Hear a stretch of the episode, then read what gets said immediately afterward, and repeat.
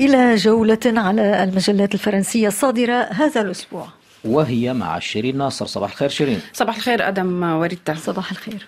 شيرين هذه الجولة تبدأينها بمقال في لوبوان حول مخاطر إغراق إسرائيل لأنفاق حماس. يقول آه، جيريك بونسي آدم في مقاله أن إغراق الجيش الإسرائيلي لأنفاق حماس في قطاع غزة ليس أسلوبا جديدا. فمصر اعتمدت هذه التقنية عام 2017 لمنع التسلل إلى أراضيها ولكن هذا يحمل إسرائيل مخاطر عدة أولها وهو مصير الرهائن الذين سيظل عدد كبير منهم محتجزين في تجاويف هذه الأنفاق. خطر آخر يتحدث عنه بونسي في لوبوان وهو تلوث التربة جراء ضخ مياه البحر في الأنفاق. ففي هذه المنطقة التي تفتقر إلى المياه العذبة بشدة وحيث الأراضي القاحلة ملوثة إلى حد كبير يمكن أن تؤدي إضافة الملح مباشرة إلى الطوابق السفلية إلى تلويث المياه الجوفية والتسبب بالجوع للسكان. وحرمانهم من أي شكل من أشكال الزراعة أو الثروة الحيوانية لعقود. وهنا تصبح عودة سكان غزة بعد انتهاء الحرب أكثر صعوبة. إلى ماريان التي تساءلت كيف تكتسب الحرب أرضية في الشرق الأوسط؟ من لبنان إلى العراق عبر اليمن وغزة يتصادم حلفاء طهران وحلفاء واشنطن بشكل منتظم منذ السابع من أكتوبر ما يزيد من خطر إشعال النار في المنطقة بأكملها وهو ما لن يكون في مصلحة أي طرف. الاستنتاج لستيفان أوبورد في أسبوعية ماريان الذي يقول أيضا أنه بالإضافة إلى حماس في غزة وحزب الله في لبنان. هناك الحوثيون في اليمن كما لا تزال هناك جبهة أخرى أقل انكشافا ولكنها متفجرة بنفس القدر وهي العراق. فمنذ تشرين الأول أكتوبر كانت القواعد الأمريكية مسرحا لهجمات بدون طيار من قبل الفصائل الموالية لإيران. ومع ذلك إذا كانت هذه لا تزال تسمى بصراعات منخفضة الشدة فلن يتطلب الأمر الكثير. يكفي أي حادث مؤسف أو حيلة مجنونة أخرى كما يصفها الكاتب في ماريانا يثيرها أحد الموالين لأي من القطبين الإيرانية أو الأمريكية حتى تحترق المنطقة بشكل نهائي.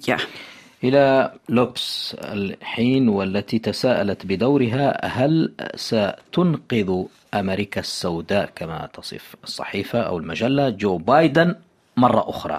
نعم سارة هليفا لوغران وهي موفدة لوبس إلى كارولاينا الجنوبية. تشير إلى أنه على مر السنين ظهر 48 مليون أمريكي من أصل أفريقي يمثلون 14.4%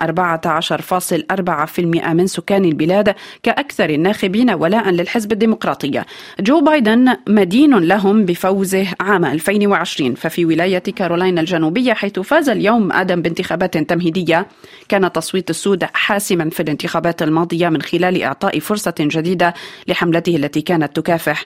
أما اليوم وفق لوبس فيحاول بايدن اللحاق بهؤلاء الناخبين الذين يفرون من مراكز الاقتراع بسبب ما وصفوه بوعوده المكسورة. فمثلا قانون حقوق التصويت الذي كان ينبغي أن يحميهم في مواجهة تحديد أصواتهم لا يزال محظورا في الكونغرس.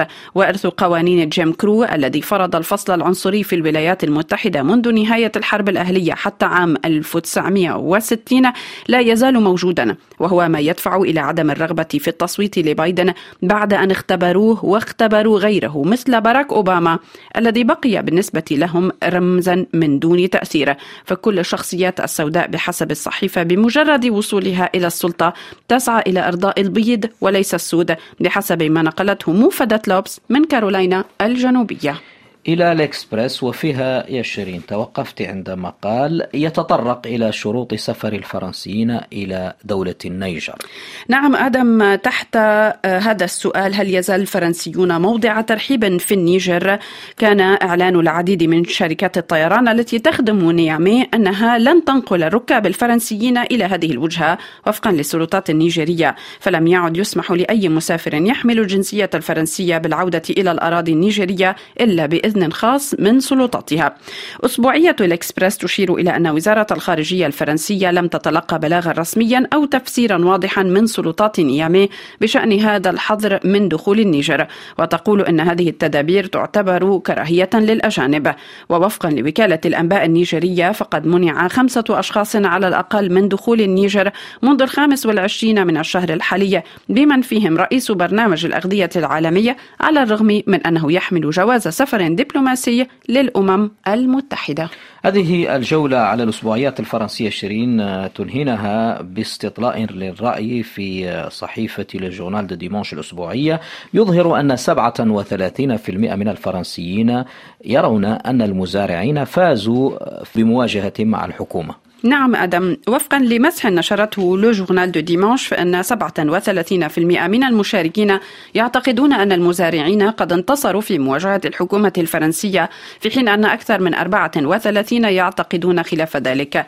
في التقسيم السياسي آدم من بين أنصار فرانس أنسوميز يعتقد 40% أن المزارعين قد فازوا. مقابل 42 يعتقدون أنهم خسروا و18 لم يصوتوا. على جانب الناخبين الجمهوريين النتائج قريبة 38 لصالح فوز المزارعين 39 ضد و23 بدون رأي. أما مع حزب النهضة وهو حزب الرئيس إيمانويل ماكرون فالفجوة أكثر أهمية.